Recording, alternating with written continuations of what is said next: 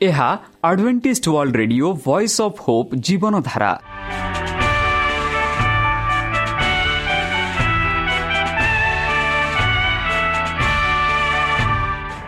Odia radio କାର୍ଯ୍ୟକ୍ରମ ଯାହା ଆମର ଆନ୍ତର୍ଜାତୀୟ ଆଘାତ କେନ୍ଦ୍ରରୁ ପ୍ରସାରଣ କରାଯାଉଛି ପ୍ରତିଦିନ ରାତି ନଅଟା ତିରିଶ ମିନିଟ୍ରେ। ମୁଁ ସୁବ୍ରତ କୁମାର ପତି ପ୍ରେମର ସହ ଆପଣମାନଙ୍କୁ ଏହି କାର୍ଯ୍ୟକ୍ରମକୁ ସ୍ୱାଗତ କରୁଅଛି। ଚାଲନ୍ତୁ ଆଜିର ତିରିଶ ମିନିଟ୍ର କାର୍ଯ୍ୟକ୍ରମ ବିଷୟରେ ଜାଣିନେବା। ପ୍ରଥମେ ରଖିଛୁ ଆଧ୍ୟାତ୍ମିକ ଭକ୍ତିମୟ ଗୀତ। ଏହାପରେ ଶୁଣିବା ସ୍ୱାସ୍ଥ୍ୟ ବିଷୟରେ ଯାହା ଆମର ଦୈନିକ ଜୀବନରେ ଅତ୍ୟନ୍ତ ଜରୁରୀ। ଆଉ ପରିଶେଷରେ ଶୁଣିବା ପରମେଶ୍ୱରଙ୍କ ଭକ୍ତଙ୍କଠାରୁ ଜୀବନଦାୟକ ଈଶ୍ୱରଙ୍କ ବାକ୍ୟ। ପ୍ରିୟ ଶ୍ରୋତା ତାହେଲେ ଚାଲନ୍ତୁ ଶୁଣିବା ଏକ ଆଧ୍ୟାତ୍ମିକ ଭକ୍ତିମୟ ଗୀତ।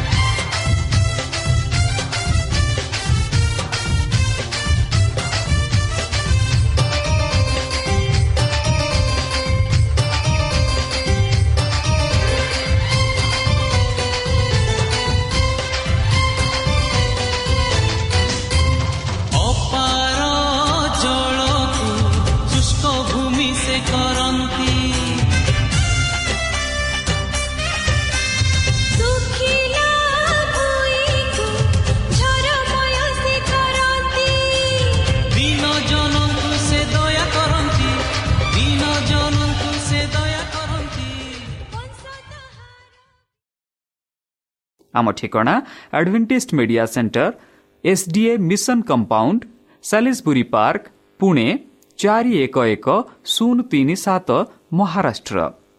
ବା ଖୋଲନ୍ତୁ ଆମର ୱେବସାଇଟ୍ ଯେକୌଣସି android phone smartphone desktop laptop କିମ୍ବା ଟ୍ୟାବ୍ଲେଟ୍ ଆମର website W W W dot A W R dot O R G slash O R I ଏବଂ W W W dot advantage media centre India dot O R G ବର୍ତ୍ତମାନ ଚାଲନ୍ତୁ ଶୁଣିବା ଈଶ୍ୱରଙ୍କ ଭକ୍ତଙ୍କଠାରୁ ଈଶ୍ୱରଙ୍କ ଜୀବନଦାୟକ ବାକ୍ୟ ଧନୀ ବ୍ୟକ୍ତି ଏବଂ ଲଜରସ୍ ଭାଗ ଦୁଇ ନମସ୍କାର ପ୍ରିୟ ଶ୍ରୋତା ସେହି ସର୍ବଶକ୍ତି ସର୍ବଜ୍ଞାନୀ ପ୍ରେମର ସାଗର ଦୟାମୟ ଅନ୍ତର୍ଜମୀ ଅନୁଗ୍ରହ ପରମ ପିତାଙ୍କ ମଧୁର ନାମରେ ମୁଁ ପାଷ୍ଟ ପୂର୍ଣ୍ଣଚନ୍ଦ୍ର ଆଉଥରେ ଆପଣମାନଙ୍କୁ ଏହି କାର୍ଯ୍ୟକ୍ରମରେ ସ୍ୱାଗତ କରୁଅଛି।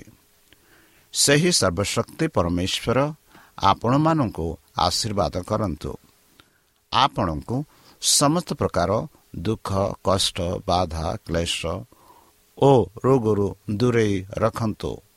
ଶତ୍ରୁ ସୟତାନ ହସ୍ତରୁ ସେ ଆପଣଙ୍କୁ ସୁରକ୍ଷାରେ ରଖନ୍ତୁ। ତାହାଙ୍କ ପ୍ରେମ ତାହାଙ୍କ ସ୍ନେହ ତାହାଙ୍କ କୃପା ତାହାଙ୍କ ଅନୁଗ୍ରହ ସଦାସର୍ବଦା ଆପଣଙ୍କଠାରେ ସହବର୍ତ୍ତୀ ରହ। ପ୍ରିୟସତା ଚାଲନ୍ତୁ ଆଜି ଆମ୍ଭେମାନେ କିଛି ସମୟ ପବିତ୍ର ଶାସ୍ତ୍ର ବାଇବଲଠୁ ତାହାଙ୍କ ଜୀବନଦାୟକ ବାକ୍ୟ ଧ୍ୟାନ କରିବା। ଆଜିର ଆଲୋଚନା ହେଉଛି ଧନୀ ବ୍ୟକ୍ତି ଏବଂ ଲାଜରସ ଭାଗ ଦୁଇ। ଗତକାଲି ଆମେ ସେହି ଧନୀ ବ୍ୟକ୍ତି ଓ ଲାଜରସଙ୍କ ବିଷୟରେ ଆଲୋଚନା କରିଥିଲୁ। କିପରି ଅବ୍ରାହମ ସେହି ଧନୀ ବ୍ୟକ୍ତିଙ୍କୁ ସେହି ଧନୀ ବ୍ୟକ୍ତିର ଅନୁରୋଧକୁ ଜବାବ ଦିଅନ୍ତି ସେହି ବିଷୟରେ ଆମେ ଆଲୋଚନା କଲୁ। ଚାଲନ୍ତୁ ଆଜି ଏହି ଆଲୋଚନାକୁ ଆମେ ଆଗକୁ ବଢ଼ାଇବା। ଯେପରି ଗତକାଲି ଆମେ ଦେଖିଥିଲୁ ସେହି ଫାରୁସି ଶାସ୍ତ୍ରୀମାନେ ଏହିପରି ପ୍ରଶ୍ନ କଲେ ଆଉ ତାଙ୍କ ବିରୁଦ୍ଧରେ ଗଲେ ଆଉ ଯୀଶୁଖ୍ରୀଷ୍ଟ କିପରି ସେଇ ଯେଉଁ ମେଷ ବିଷୟର ଦୃଷ୍ଟାନ୍ତ? କହିଥିଲେ ଆମେ ଆଉ ଗୋଟିଏ ଦୃଷ୍ଟାନ୍ତ ପାଉଛୁ ଆଜି ତାହା ପାଉଛୁ ଆମେ ଲୁକ ପନ୍ଦର ଆଠ ଟୁ ଦଶ। ଅଥବା ଏପରି କେଉଁ ସ୍ତ୍ରୀ ଲୋକ ଅଛି ଯେ ତାର ଯଦି ଦଶଟି ଟଙ୍କା ଥାଏ ଆଉ ସେଥିରୁ ଗୋଟିଏ ହଜିଯାଏ ତେବେ ସେ ଦୀପ ଜାଳି ଘର ଝାଡ଼ି ତାହା ନ ପକାଇବା ପର୍ଯ୍ୟନ୍ତ ପାଇବା ପର୍ଯ୍ୟନ୍ତ ଜଣିରେ ଖୋଜେ ନାହିଁ। ପୁଣି ତାହା ପାଇଲେ ସେ ଆପଣା ବନ୍ଧୁକୁ ଓ ପ୍ରତିବାସୀକୁ ଡାକି ଏକତ୍ର କରି କହେ ମୋ ସାଙ୍ଗରେ ଆନନ୍ଦ କର। ଯେଣୁ ଯେଉଁ ଟଙ୍କାଟି ହଜିଯାଇଥିଲା ତାହା ପାଇଲି। ମୁଁ ତୁମମାନଙ୍କୁ କହୁଅଛି ସେହି ପ୍ରକାରେ ଯେ ମନ ପରିବର୍ତ୍ତନ କରେ ଏପରି ଜଣେ ପାପି ନିମନ୍ତେ ଈଶ୍ୱରଙ୍କ ତୁମମାନଙ୍କ ସମ୍ମୁଖରେ ଆନନ୍ଦ ହୁଏ। ବନ୍ଧୁ ଏହି ଦୃଷ୍ଟାନ୍ତରେ ଆମେ ଦେଖୁଅଛୁ ଯୀଶୁଖ୍ରୀଷ୍ଟ ସେହି ଲୋକ ସମୂହକୁ ସେହି ଫାରୁସି ସେହି ଶାସ୍ତ୍ରୀମାନଙ୍କୁ କହୁଛନ୍ତି ଆଉ ଶିଷ୍ୟମାନଙ୍କୁ କହୁଛନ୍ତି ଏହି ଯେଉଁ ଦୃଷ୍ଟାନ୍ତରେ ଯଦି ଜଣେ ସ୍ତ୍ରୀଟା ତାର ଦଶ ଟଙ୍କାରୁ ଗୋଟେ ଟଙ୍କା ହଜିଯାଏ। ଆଉ ଯେବେ ସେ ଖୋଜେ ଆଉ ଯେବେ ସେ ପାଏ ସେ ନିତ୍ୟସ୍ତ ରୂପେ ଆପଣା ବନ୍ଧୁମାନଙ୍କୁ ଡାକି ସେ ଆନନ୍ଦ କରେ।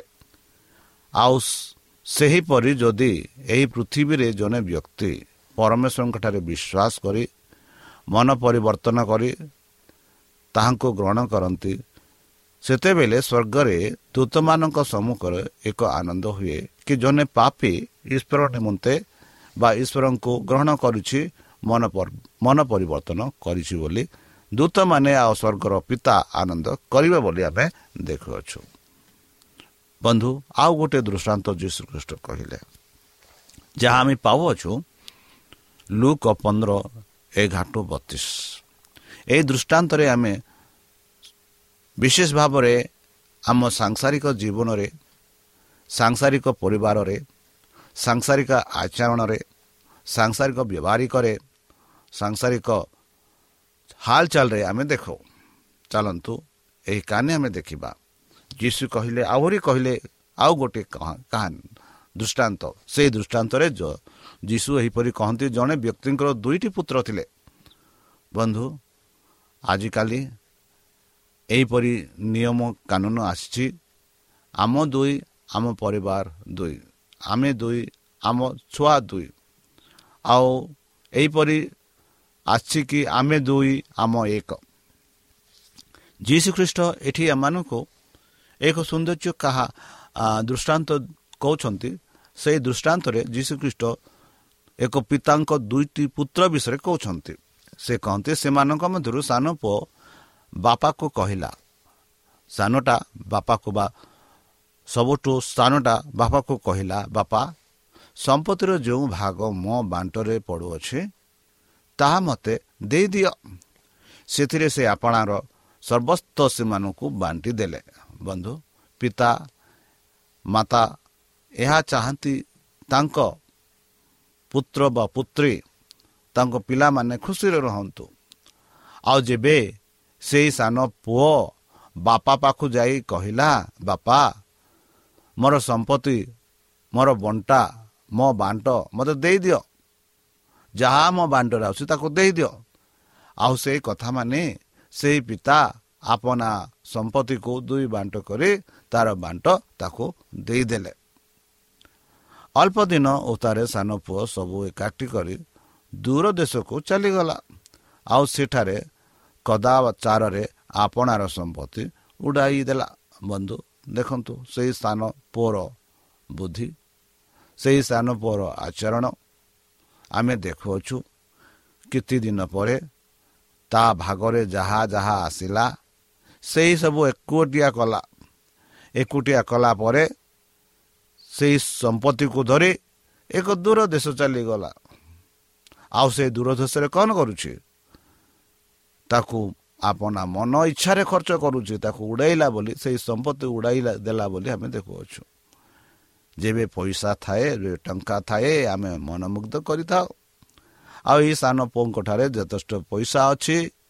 ବର୍ତ୍ତମାନ ସେଇ ପଇସାରେ ବିଦେଶରେ ତାକୁ ଉଡ଼ାଉଛି ଖର୍ଚ୍ଚ କରୁଛି ସାଙ୍ଗମାନଙ୍କ ସହ ଖର୍ଚ୍ଚ କରୁଛି ମଦ୍ୟପାନ ପିଉଛି ସବୁକିଛି କରୁଛି। ମାତ୍ର ଏମିତି ପରିସ୍ଥିତି ଆସିଲା। କିନ୍ତୁ ସମୟ ଅପବ୍ୟୟ କଲା ପରେ ସେ ଦେଶରେ ମହା ଦୁର୍ଭିକ୍ଷ ପଡ଼ିବାର ତାହାର ଅଭାବ ହେବାକୁ ଲାଗିଲା ବନ୍ଧୁ। ପଇସା ସଦାବେଳେ ଆମ ପାଖରେ ରୁହେ ନାହିଁ। ଆଉ ପଇସା ସଦାବେଳେ ସାଙ୍ଗକୁ ରଖେ ନାହିଁ। ଆମେ ଦେଖୁ କିଛି ସମୟ ପରେ ସେହି ସ୍ଥାନରେ ମହାଦୁର୍ଭିକ୍ଷ ପଡ଼ିବାରୁ ତାହାର ଅଭାବ ହେଲା। ସେଥିରେ ସେ ଯାଇ ସେହି ଦେଶର ଜଣେ ଲୋକଙ୍କ ଆଶ୍ରୟ ନେଲା। ଯେତେବେଳେ ତା ପାଖରେ ପଇସା ଥିଲା ସେ ମନମୁଗ୍ଧ କଲା ବହୁତ ଖର୍ଚ୍ଚ କଲା ମଦ୍ୟପାନ କଲା। ଆଉ ଯେବେ ପଇସା ଶେଷ ହୋଇଗଲା ତେବେ ସେ କ'ଣ କରୁଛି ବର୍ତ୍ତମାନ? ତାଙ୍କ ସେହି ଦେଶର ଜଣେ ଲୋକଙ୍କର ଆଶ୍ରୟ ନେଲା। ଆଉ ତାହାକୁ ତାହାକୁ ଘୁଷୁରୀ ଚରାଇବା ପାଇଁ ଆପଣା କ୍ଷେତକୁ ପଠାଇଲେ। ଦେଖନ୍ତୁ ହୋଇପାରେ ଏଇ ଯେଉଁ ସାନ ପୁଅଟା ପଇସା ଖର୍ଚ୍ଚ ହେଲା ପରେ ଘର ଘର ଗଲା। ଆଉ ଜଣେ ଲୋକ ତାକୁ ଆଶ୍ରୟ ଦେଲା। ଏହି ପରିସ୍ଥିତିରେ ସେ କ'ଣ କରିବ? ଦେଖନ୍ତୁ ଆମେ ଦେଖାଉଛୁ ଯେଉଁଦୀମାନେ ଘୁଷୁରୀକୁ ଭଲ ପାଆନ୍ତି ନାହିଁ। ପବିତ୍ର ଶାସ୍ତ୍ର ବାଇବଲ ଆମମାନଙ୍କୁ କହୁଛି ଘୁଷୁରୀ ଛୁଇଁବାର ପାପ। ଯେଟା ଘୁଷୁରୀ ହେଉଛି ଅଶୁଚି ପଶୁ। ବର୍ତ୍ତମାନ ଜଣେ ଜୁହୁଦୀ ଘୁଷୁରୀ ଚୁରାଇବା ପାଇଁ ଏଇଟା କେଡ଼େ ବଡ଼ ପାପ ମାତ୍ର ଆମେ ଦେଖୁଅଛୁ ସେଇ ସାନ ପୁଅ ବର୍ତ୍ତମାନ ଘୁଷୁରୀ ଚରାଇବା ପାଇଁ ଆପଣା କ୍ଷେତକୁ ପଠାଇଲେ ବୋଲି ଆମେ ଦେଖୁଛୁ ପୁଣି ଘୁଷୁରୀମାନେ ଯେଉଁ ମିଶ ଯେଉଁ ସୀମ ଖାଉଥିଲେ ସେଥିରେ ସେ ଆପଣା ପେଟ ପୁରାଇବାକୁ ବାଞ୍ଚା କରୁଥିଲା କିନ୍ତୁ କେହି ତାହାକୁ କିଛି ଦେଉନଥିଲେ ଦେଖନ୍ତୁ କେଡ଼େ ଦୁର୍ଭାଗ୍ୟ ଅବସ୍ଥାରେ ସେହି ସାନ ପୁଅ ବର୍ତ୍ତମାନ ସମ୍ମୁଖୀନ କରୁଅଛି। ଏମିତି ସମ୍ମୁଖୀନ କରୁଛି ଯେଉଁ ଘୁଷୁରୀମାନେ ଯେଉଁ ଖାଦ୍ୟ ଖାଉଥିଲେ ଯେଉଁ ସୀମ ଖାଉଥିଲେ ସେଇ ସୀମ ଦ୍ୱାରା ସେଇ ସାନ ପୁଅ ଆପଣା ପେଟ ପୁରାଉଥିଲା। ଆଉ ବେଲେ ବେଲେ ତାକୁ କିଛି ବି ନ ଦେଉଥିଲେ ବୋଲି ଆମେ ଦେଖିଲୁ ଦେଖୁଛୁ। ମାତ୍ର ସେ ଚେତନା ପାଇ କହିଲା କେତେ ଦିନ ଗଲା ପରେ ଆପଣାକୁ ସେଇ ଚେତନା ଆସିଲା। ବନ୍ଧୁ ସେ କହିଲା ମୋର ବାପାଙ୍କ କେତେ ମୂଲ୍ୟାଙ୍କ ଖାଦ୍ୟ। ବଲି ପଡ଼ୁଆ ବୋଲି କିନ୍ତୁ ମୁଁ ଏଠାରେ ଭୋକରେ ମରୁଅଛି। ବର୍ତ୍ତମାନ ସେଇ ପୁଅକୁ ପିତାଙ୍କ ଗୃହ ବିଷୟରେ ମନେ ପଡ଼ୁଛି। ଆଉ ସେ କହନ୍ତି ବର୍ତ୍ତମାନ ମୁଁ ଏହି ଅବସ୍ଥାରେ ଅଛି। ମାତ୍ର ମୋର ପିତାଙ୍କ ଘରେ କେତେ ମୂଲ୍ୟାଙ୍କର ଖାଦ୍ୟ ବଲି ପଡ଼ୁଅଛି। ମାତ୍ର କିନ୍ତୁ ମୁଁ ଏଠି ଭୋକରେ ମରୁଅଛି। ଏହିପରି ସେ ନିଜକୁ ଚେତନା କଲେ।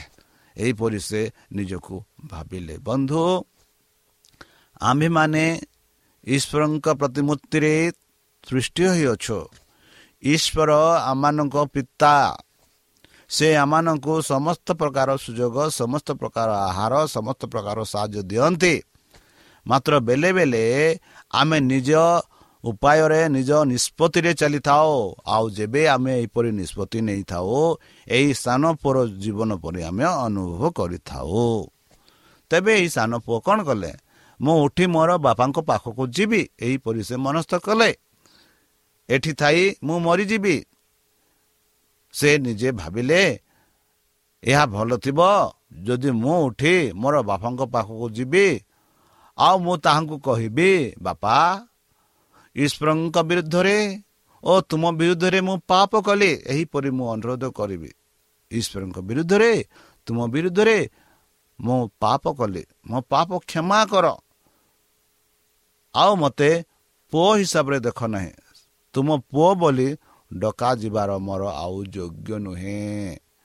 ମୋତେ ତୁମର ଜଣେ ମୂଲିଆ ପରି ରଖ ଏହିପରି କହିବି ବୋଲି ସେହି ପୁଅ ଆପନା ମନରେ ଭାବି ତାର ଯାତ୍ରା ଆରମ୍ଭ କଲେ। ବନ୍ଧୁ ଆମେ ଯଦି ସେହିପରି ପରିବର୍ତ୍ତନ କରି ସେ ପିତାଙ୍କ ପାଖକୁ ଯିବା ନିଶ୍ଚିତ ରୂପେ ପିତାମାନଙ୍କୁ ଗ୍ରହଣ କରିବେ। ସେଥିରେ ସେ ଉଠି ଆପନା ପିତାଙ୍କ ନିକଟକୁ ଗଲା। କିନ୍ତୁ ସେ ଦୂରରେ ଥାଉ ଥାଉ ତାହାର ପିତା ତାହାକୁ ଦେଖି ଦୟାରେ ବିଗଳିତ ହେଲେ ଓ ଦୌଡ଼ି ଯାଇ ତାହାକୁ ଆଲିଙ୍ଗନ କରି ଅତି ସ୍ନେହରେ ଚୁମନ ଦେଲେ। ଦେଖନ୍ତୁ ବନ୍ଧୁ ପିତାଙ୍କ ପ୍ରେମ। ସେଇ ପୁଅ ଯିଏକି ଆପଣା ସମ୍ପତ୍ତି ସବୁ ନେଇ ଚାଲିଗଲେ ଆଉ ସବୁ ଉଡ଼େଇ ଦେଲେ ବର୍ତ୍ତମାନ ସେଇ ପୁଅ ଫେରୁଛି।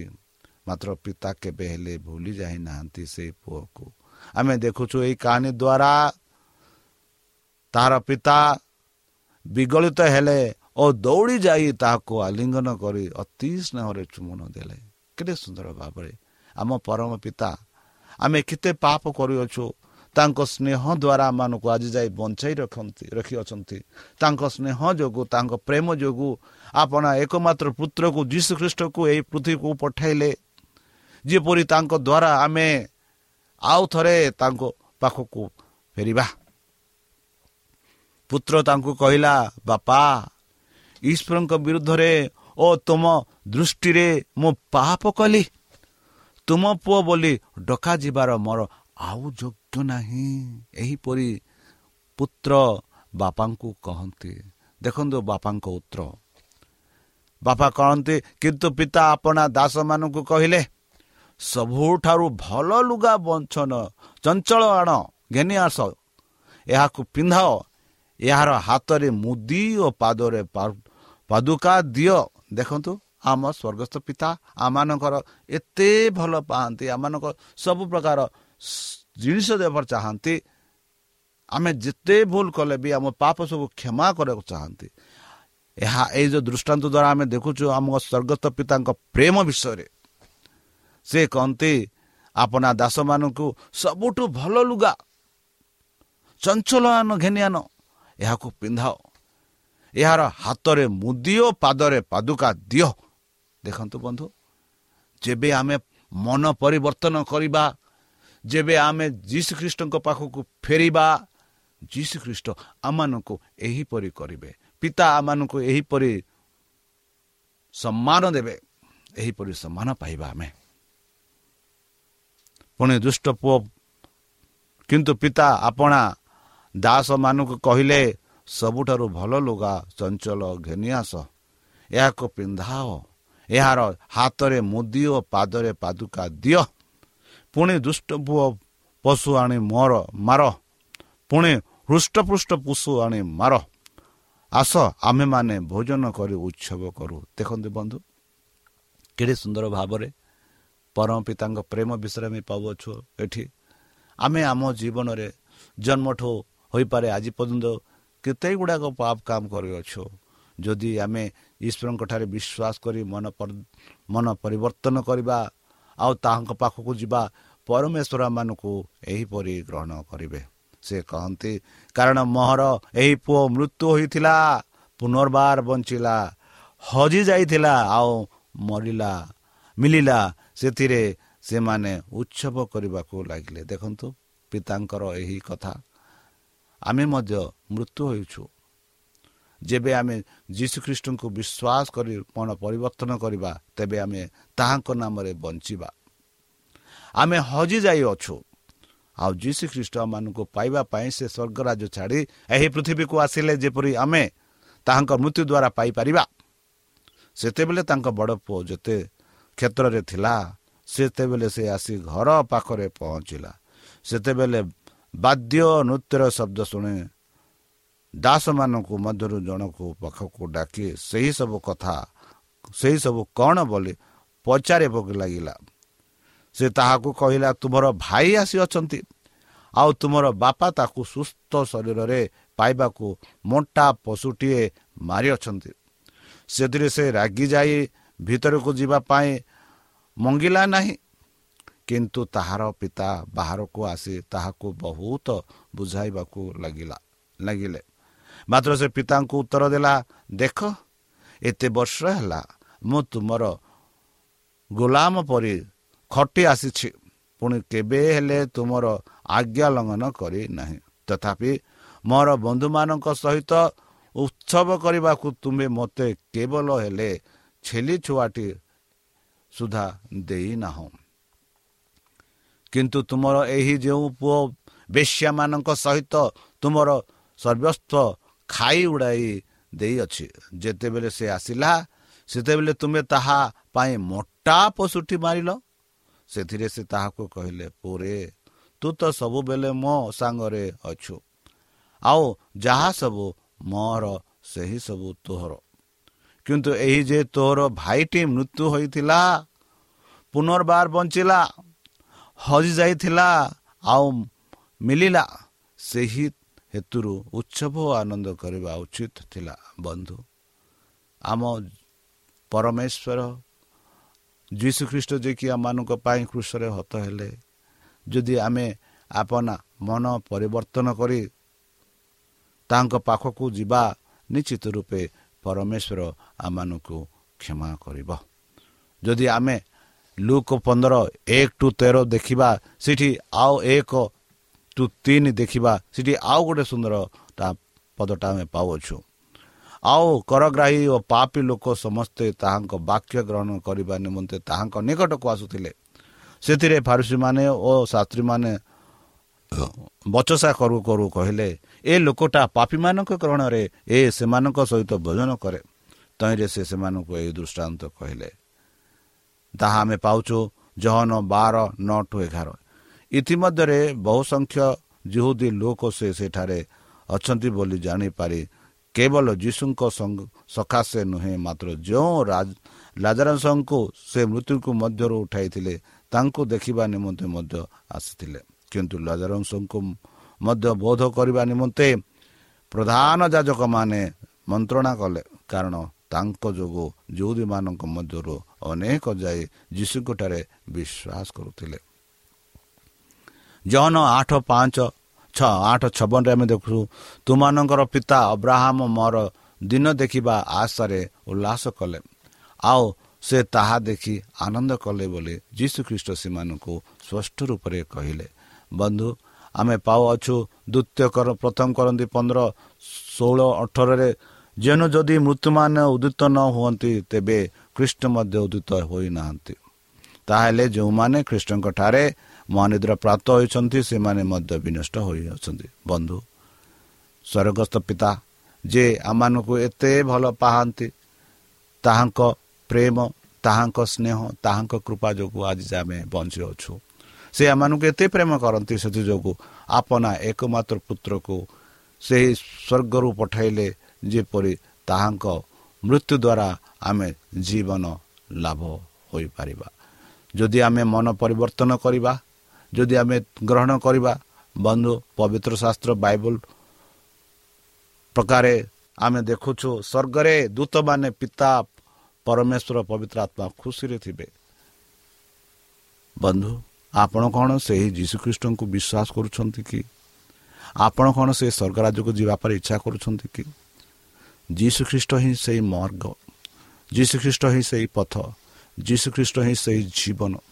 ଯୀଶୁଖ୍ରୀଷ୍ଟ ହିଁ ସେହି ସତ୍ୟ। ଯଦି ଆମେ ସେହି ସତ୍ୟ ସେହି ଜୀବନକୁ ସେହି ମାର୍ଗକୁ ଆମେ ବିଶ୍ୱାସ କରି ଚାଲିବା ନିଶ୍ଚିତ ରୂପେ ଯୀଶୁଖ୍ରୀଷ୍ଟମାନଙ୍କୁ ଗ୍ରହଣ କରିବେ। ତାହେଲେ ଚାଲନ୍ତୁ ନିଜକୁ ସମର୍ପଣ କରି ତାହାଙ୍କ ମଧ୍ୟରେ ନାମେ ଆମେ ପ୍ରାର୍ଥନା ଅର୍ପଣ କରିବା। ହେ ଆମମାନଙ୍କ ସର୍ବଶକ୍ତି ସର୍ବଜ୍ଞାନୀ ପ୍ରେମର ସାଗର ଦୟାମୟ ଅନ୍ତର୍ଜମୀ ଅନୁଗ୍ରହ ପରମ ପିତା ଧନ୍ୟବାଦ ଅର୍ପଣ କରୁଛୁ ପ୍ରଭୁ ବର୍ତ୍ତମାନ ଯେଉଁ ବାକ୍ୟ ତୁମ ସେ ଭକ୍ତ ଶୁଣାଇଲେ ସେହି ବାକ୍ୟ ଅନୁସାରେ ଆମମାନଙ୍କୁ ଚାଲିବା ପାଇଁ ବୁଦ୍ଧିରେ ଜ୍ଞାନରେ ଶକ୍ତିରେ ପରିପୂର୍ଣ୍ଣ କର। ଆମ ପାପ ସବୁ ତୁମ ସେହି ବହୁମୂଲ୍ୟ ରକ୍ତରେ ପରିଷ୍କାର ରୂପେ ଧରି ଦିଅ ଆମମାନଙ୍କୁ ବୁଦ୍ଧିରେ ଜ୍ଞାନରେ ଶକ୍ତିରେ ପରିପୂର୍ଣ୍ଣ କର। ଆଉ ପରିଶେଷ ଯେବେ ତୁମେ ତୁମ ସେହି ସହସ୍ରଦୂତଙ୍କ ସହ ଆସିବେ ଆପଣା ସାଧୁମାନଙ୍କୁ ସଂଗ୍ରହ କରିବା ନିମନ୍ତେ ସେତେବେଳେ ଆମମାନଙ୍କୁ ଏକ ବାସସ୍ଥାନ ଦିଅ ବୋଲି ତ୍ରାଣକର୍ତ୍ତା ପ୍ରଭୁ ଯୀଶୁଙ୍କ